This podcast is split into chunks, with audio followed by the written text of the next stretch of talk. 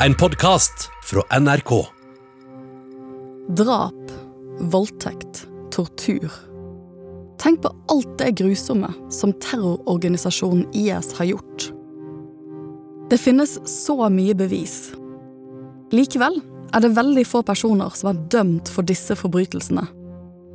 Hvorfor går IS fri?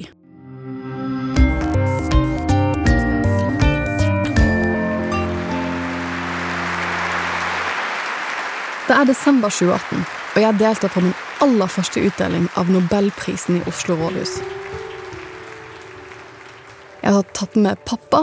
Rådhuset er nydelig, fylt av TV-lys, blomsterdekorasjoner og store deler av Politiker-Norge. Men jeg er ikke her for de fine dekorasjonene eller for å mingle. Jeg er her for å se Nadia. Nadia Murad fra Irak har nemlig vunnet Nobels fredspris. Hun har på seg en nydelig blå kjole og skal snart holde talen sin.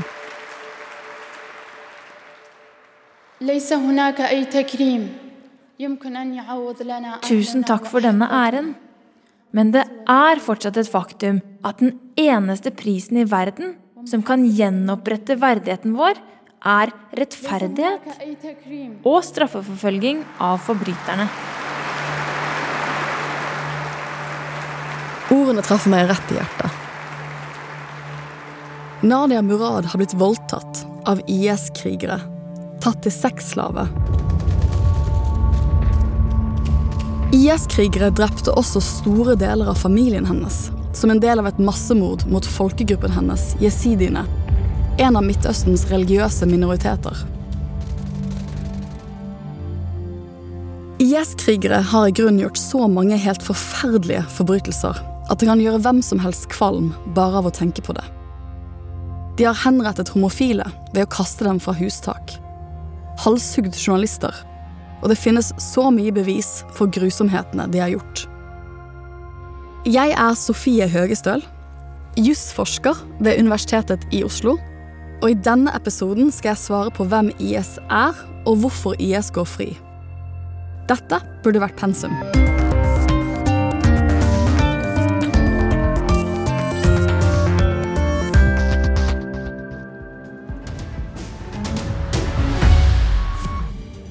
Skal vi høre at terrornettverket IS har tatt på seg skylda for flere dødelige selvmordsangrep i Jemen og Syria i dag. I Syria har over 100 mennesker mistet livet i angrep mot havnebyen Tartus og Jable. Samme dag skal 26 personer i byen Tigrit være drept av den såkalte islamske staten IS. Tallet på døde har stiget utover dagen i dag, og blant de drepne er mange barn. Terrorgruppa IS har sagt at de står bak den voldsomme bomba som fikk bygninger til å rase sammen. Dette er bare noen få eksempler fra nyhetsbildet på grusomme ting IS har gjort. Men hva er IS?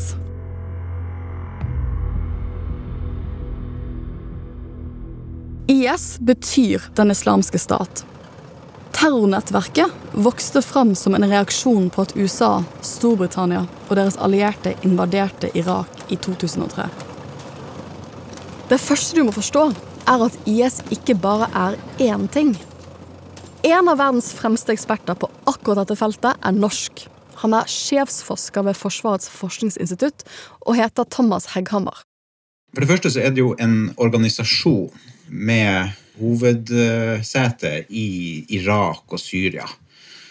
Og der bygde de jo en stat i 2014 med et eget byråkrati og egne ministerier, og som kontrollerte territorium og hadde en stor hær osv. Den eh, staten er jo i ettertid blitt knust, og i dag så er den organisasjonen en slags milits på rømmen da, i, i samme område. I tillegg til dette er IS en slags klynge av andre organisasjoner. De har filialer i andre deler av den muslimske verden, fra afrikanske Mali i vest til Afghanistan i øst. I senere tid så er en del av de falt bort. Eh, men, men, men der er fortsatt flere IS-filialer, eller provinser, som de sjøl kaller det. For det tredje er IS en ideologisk bevegelse, akkurat som høyreekstremisme og nynazisme. Det som jo virkelig fikk IS på radaren våren 2014, var jo folkemordet på yazidiene. Jesidiene er navnet på et folk som tror på jesidisme. En religion som har elementer av jødedom, kristendom og islam i seg, som lever for det meste i Nord-Irak. Og der har man jo i ettertid funnet store massegraver. De som IS ikke drepte, de tok de som slaver. Og det henger først og fremst sammen med ideologien og verdenssynet til gruppen. Som er jo en ekstremt religiøs gruppe.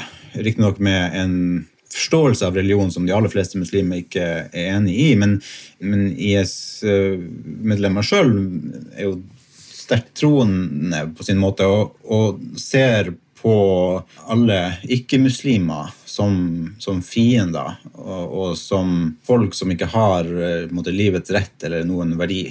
Og, og Yazidiene faller jo i den, falt jo i den kategorien, og de var også tilgjengelige. på en måte. Det var det her en befolkningsgruppe som holdt til i områder hvor IS ekspanderte i denne tidlige fasen. Så de var på en måte i veien. Og um, de to tingene sammen gjorde nok at um, de ble et offer. NRK Alltid.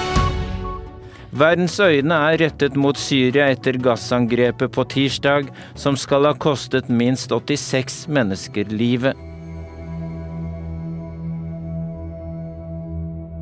Det kan av og til være politisk betent å få et massedrap anerkjent som folkemord. Men i mai 2021 fastslo toppeksperter i FN en gang for alle at det som har skjedd i Syria og Irak, har vært et folkemord på jesidiene. De konkluderte at IS forsøkte å utrydde jesidi-minoriteten, både fysisk og biologisk, og at man derfor har funnet tydelig bevis for folkemordet. FN-ekspertene fant også rundt 1400 mulige gjerningspersoner i IS som kan ha stått bak folkemordet. Så hvorfor blir de ikke straffet? Jakten på det svaret begynner i Oslo rådhus. Nå er vi tilbake på fredsprisutdelingen i 2018. Og jeg ser på Nadia Murad tale. Det er vel nesten ingen i salen som ikke er preget av det hun har å si. مجتمعي يعيش تحت إبادة مستمرة منذ أكثر من أربع سنوات. المجتمع الدولي hver eneste dag hører jeg tragiske historier. Hundretusener og til og med millioner av barn og kvinner rundt om i verden lider under forfølgelse og vold. Nadia Murad er en av to nobelprisvinnere i 2018. Sammen med Dennis Mukwege vinner hun prisen for deres kamp mot bruk av seksualisert vold som et våpen i krig og for deres kamp om å få gjerningsmennene stilt til ansvar for slike overgrep. Seksualisert vold regnes som voldtekt og andre seksuelle overgrep, særlig mot kvinner. Narnia Murad tilhører jesidi-minoriteten i det nordlige Irak og levde et fredelig liv med sin familie i den lille landsbyen Koyo. Men det var før IS kom. Og det er det han forteller oss om i nobeltalen sin. Som ung jente så drømte jeg om å fullføre videregående skole. Drømmen min var å ha en skjønnhetssalong i landsbyen vår og bo i nærheten av familien min i Sinjar. Men denne drømmen ble til et mareritt. Uventede ting skjedde. Det fant sted et folkemord. Det førte til at jeg mistet min mor, seks av mine brødre og mine brødres barn. Hver eneste jesidi-familie har en lignende historie. Den ene mer grusom enn den andre pga. dette folkemordet. Folkemordet hun snakker om, er det som ble gjennomført av IS. Det var de som massakrerte landsbyen hennes i 2014. Som drepte familiemedlemmene hennes og tok Nadia til fange. I fangenskap ble Nadia Murad og flere tusen andre jesidi-jenter voldtatt om og om igjen av IS. Men etter tre måneder greide hun å flykte. Og da gjorde hun noe helt ekstraordinært. Hun tok opp kampen mot IS ved å fortelle verden om voldtektene hun hadde blitt utsatt for for å kreve rettferdighet for henne og andre ofre av den islamske stat. Og den kampen tok hun med seg inn i Oslo rådhus.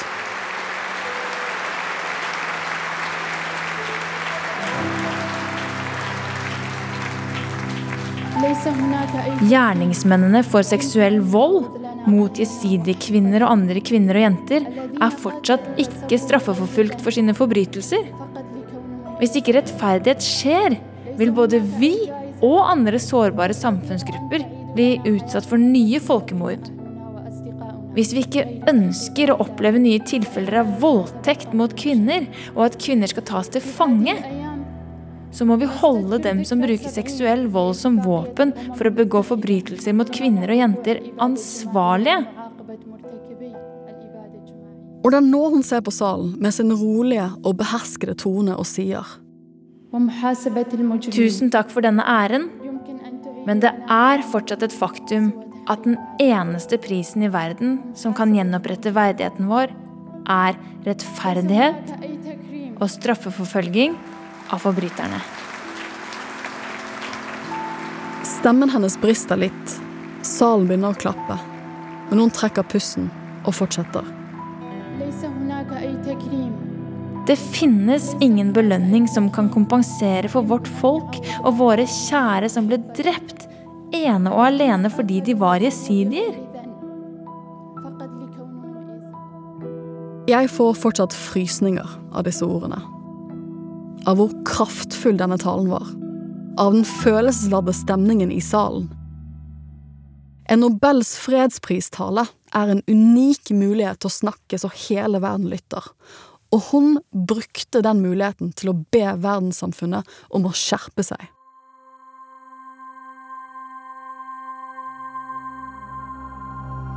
Nå vet du mer om hva IS er, og hva de har gjort. Det er på tide å finne ut hvordan de eventuelt kan straffes. Vi reiser tilbake i tid.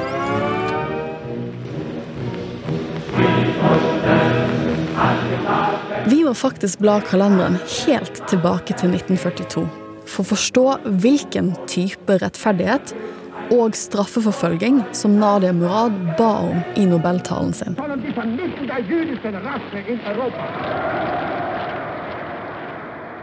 Andre verdenskrig har pågått i tre år, og representantene fra flere av landene som har blitt okkupert av Nazi-Tyskland, inkludert Norge, møtes i St. James Palace i London. Sammen skriver de en erklæring som blir historisk. I erklæringen skriver de at Tyskland har innført et terrorregime i de landene som Tyskland har okkupert. Et regime som er preget av henrettelser, massakre, fengsling og vold. Derfor erklærer de at et av de viktigste målene for krigen må være å straffe de som er ansvarlig for disse forbrytelsene. Og at de må straffes på en organisert måte. Det skal ikke være tilfeldig hvem som blir straffet og hvordan. Erklæringen fra 1943 fikk effekt. Storbritannia, Sovjetunionen og USA lagde kort tid etter en egen krigsforbryterkommisjon, The United Nations War Crimes Commission, som skulle hjelpe nasjonale myndigheter med å straffe krigsforbrytere som hadde jobbet med Nazi-Tyskland og italienske Mussolini. Men ikke bare det. I 1943 fulgte de allierte stormaktene også opp dette arbeidet med sin egen erklæring, underskrevet i Moskva.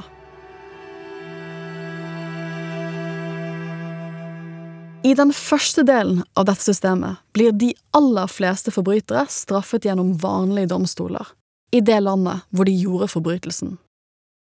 For slik er det jo vanligvis i strafferetten. Hvis jeg stjeler lommebøker i Slottsparken i Oslo, så blir jeg straffet foran Oslo tingrett. Og det er egentlig et viktig prinsipp i strafferetten. at forbrytelser skal straffes der forbrytelsen faktisk har skjedd, sånn at vitner, ofre og samfunnet kan være vitne til og en del av selve straffesaken. Det er viktig for forsoningseffekten vi håper at en straffesak skal ha. Og derfor straffeforfulgte Norge flere tusen personer etter okkupasjonen av Norge under andre verdenskrig. Norsk politi skulle ha etterforsket hele 92 000 saker. Og 46 000 personer skulle ha blitt idømt en form for straff da okkupasjonen var over. Disse nasjonale rettssakene etter andre verdenskrig var kjempeviktige. Men de var bare den første delen av systemet Storbritannia, Sovjetunionen og USA hadde laget. Den andre delen av systemet kommer nå.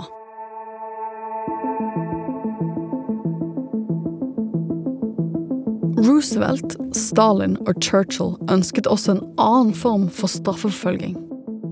Og det var for de nazistene som var ansvarlige for forbrytelser som ikke hadde skjedd på et spesifikt sted. Det vil si forbrytelser som var så store og så omfattende at de ikke kunne straffefølges av et enkelt land alene. Disse forbrytelsene måtte heller straffes av verdenssamfunnet som fellesskap, slik som utryddelsen av jøder og romfolkene i konsentrasjonsleirene f.eks. Og helt på tampen av krigen, i 1945, bestemte de allierte stormaktene at man skulle stille det de kalte for de store krigsforbryterne, eller lederne for Nazi-Tyskland, foran en spesiallaget domstol i Nürnberg. The Palace of Justice in Nuremberg, Germany, once the holy city of Nazism, becomes the setting of an epic event. Here, under the vigilant eyes of Allied military police, the 20 most important surviving members of the Hitler Gang go on trial. Denne domstolen blir ofte kalt Nürnberg-prosessen på norsk, og blir regnet som verdens første internasjonale domstol. Hvor lederne for Nazi-Tyskland ble stilt for retten pga. de store og alvorlige internasjonale forbrytelsene som nazistene begikk under andre verdenskrig. Og det var sånn internasjonal strafferett ble skapt i 1945.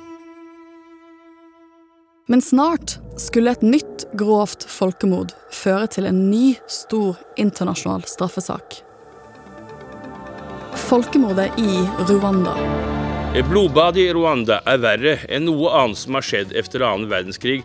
I dette sentralafrikanske landet er over en halv million mennesker blitt massakrert på bare fire måneder. Og når de stiftet Rwanda-domstolen, var FN tydelige på at et sånt folkemord som skjedde i Rwanda, aldri skulle skje igjen. Etter dette var det som et lite rettferdighetsskred gikk av i verden. Plutselig lagde verdenssamfunnet flere domstoler som skulle straffe grove internasjonale forbrytelser. De lagde en for borgerkrigen i Sierra Leone og en for folkemordet i Kambodsja. Og i 2002 ble Den internasjonale straffedomstolen i Haag opprettet. Som skulle være en permanent internasjonal domstol som kunne etterforske mange forskjellige saker på én gang.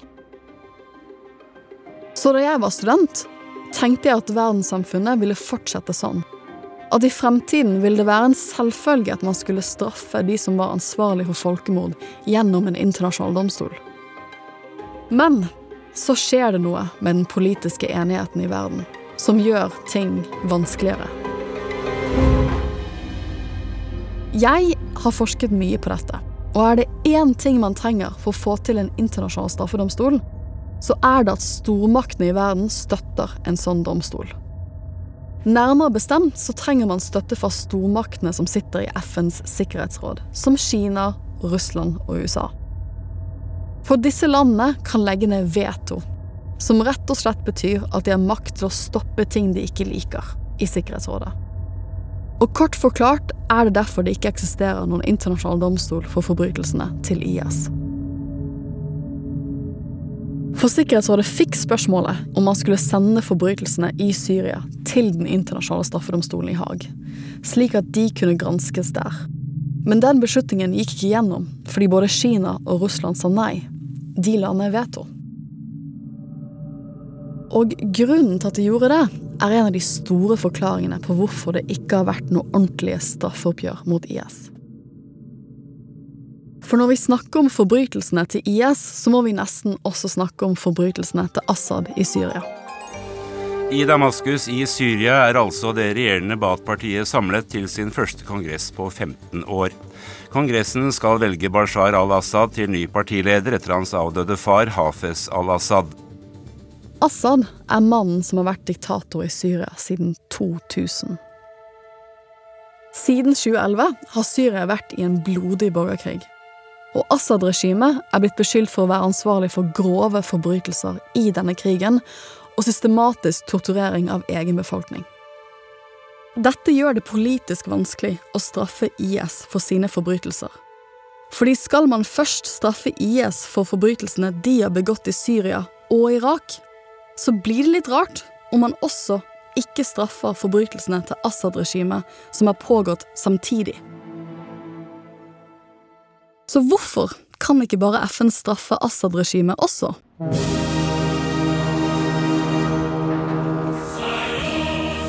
Fordi Syria er storpolitikk. Assad-regimet får støtte fra Russland. Stormakten sin eneste flåtebase i Middelhavet er nemlig i Syria. Og de to landene har i mange år vært viktige handelspartnere. Russland har vært Syrias viktigste våpenleverandør. Og de har brukt plassen sin i Sikkerhetsrådet til å blokkere ethvert forsøk på å lage straffeoppgjør i Syria. Og når det ikke er politisk mulig å straffe Assad, så har det heller ikke vært politisk mulig å lage en internasjonal domstol for å straffe IS. Sverige prøvde f.eks. Å foreslå en sånn IS-domstol i 2019. Og Norge støttet dette. Men Sverige og Norge er ikke akkurat noen supermakter. Og man har aldri fått ordentlig støtte til en sånn domstol internasjonalt.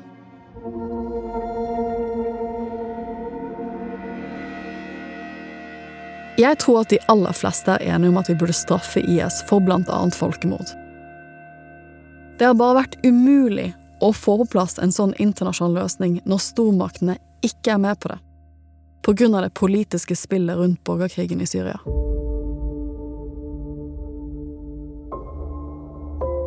Men det er også en annen ting som gjør det vanskelig å straffe IS. Det har å gjøre med IS sin popularitet. Nå hører du terrorforsker Thomas Hegghammer. Hovedgrunnen er at det er så vanskelig å identifisere de sentrale eh, gjerningspersonene. Rett og slett fordi at eh, organisasjonen var så stor. Samtidig er det sånn at liksom, lederskapet, de som er jo i, utgangspunktet er aller mest ansvarlige, de er jo da enten blitt drept eller, eller er fortsatt på rømmen. Så de er ikke tilgjengelige for rettsforfølgelse. Så hele, altså jobben med å identifisere hvem det var som var virkelig ansvarlige, er veldig vanskelig. Jeg underviser jusstudenter, og en av disse studentene er jesidi og kom til Norge som flyktning etter krigen i Irak. Ikke visste jeg, da jeg satt i Oslo rådhus i 2018, at også Nariman Hame var der for å høre på talen til Nadia Murad.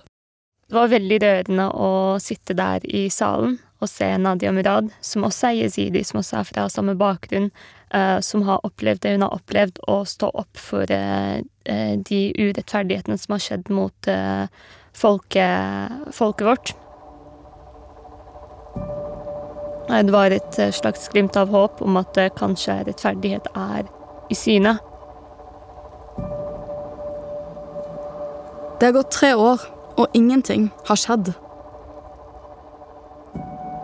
IS har ikke fått noe straff.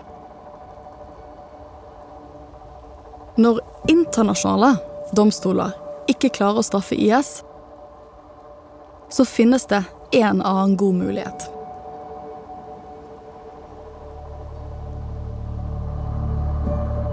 At IS og Assad-regimet straffes for sine forbrytelser i nasjonale domstoler. Det er ikke alltid den beste løsningen.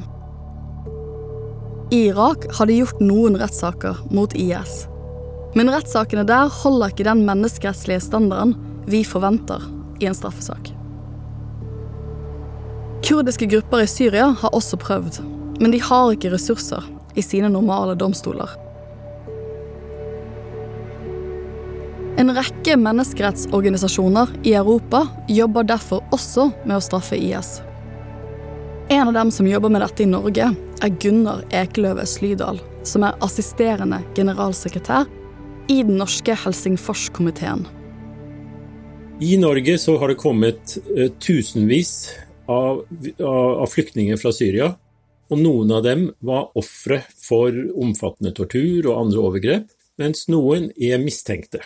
Så vi tenkte at her er det en jobb å gjøre vi må eh, få disse eh, sakene på papiret til politi. Og Da ble vår eh, del av denne dugnaden, hvis vi kan kalle det, det, det er å se hvordan disse sakene kunne passe inn i norsk lovgivning. Hvilken rolle kan norske domstoler spille i dette rettsoppgjøret? Flere svar på det. Et av det er at disse syrerne er en en del av det norske samfunnet nå. Eh, så vi har en, eh, føler jeg i hvert fall, en plikt overfor dem til å etterforske det de har opplevd som helt ødeleggende forbrytelser i deres liv. Mange av de vi pekte på i disse anmeldelsene, de sitter ved makten fortsatt. De sitter ved Assads høyre hånd. Og det burde de ikke gjøre. De burde ut av politikken. Og vi tenkte at disse sakene også kan bidra til det. Og det er jo det som skjer nå, som Gunnar i Helsingforskomiteen sier. Folket går foran. Når det internasjonale systemet ikke fungerer, så prøver folket å få til et straffeoppgjør. Og det er kanskje det siste jeg vil si om spørsmålet om rettferdighet. Mye av min forskning på internasjonale forbrytelser viser at det tar tid å få til rettferdighet. Noen ganger tar det opp mot 10-20-30 år å stille de som er ansvarlige for grove forbrytelser mot menneskeheten, til ansvar. Men vi har gjort det før. Vi har lært mye om det. Vi vet hvordan vi skal gjøre det. Og selv om det ikke er mulig nå å straffe lederne i Assad-regimet eller lederne i IS for forbrytelsene de har gjort, betyr ikke det at det ikke er mulig i fremtiden. Fordi vi har personer og helter som Nadia Murad, som ikke vil akseptere noe annet enn et rettsoppgjør, så kan det godt være at det blir mulig i fremtiden.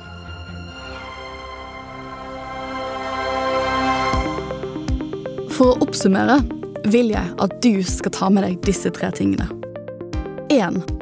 IS har begått grove forbrytelser som burde straffes. Da særlig folkemordet mot jesidiene. To. Dessverre har det blitt vanskeligere de siste årene å få på plass et sånt rettsoppgjør. Internasjonale løsninger er politisk vanskelig, så vi må kanskje ta i bruk nasjonale løsninger. Og tre. Rettferdighet tar tid. Mitt navn er Sofie Høgestøl og jeg er jusforsker ved Universitetet i Oslo. Forhåpentligvis har du lært noe om hvorfor ikke IS har fått sin straff. Ennå. For det er håp. Har du lyst til å lære om flere temaer som burde vært pensum? Følg Burde vært pensum i appen NRK Radio. Burde vært pensum er laget av Lyder Produksjoner for NRK. Produsent Tine Eide. Research Agnes Akre. Lyddesign Sondre Myrhol. Eksekutiv produsent Christian L. Marstrander. Og ansvarlig redaktør fra NRK Jan Egil Odland.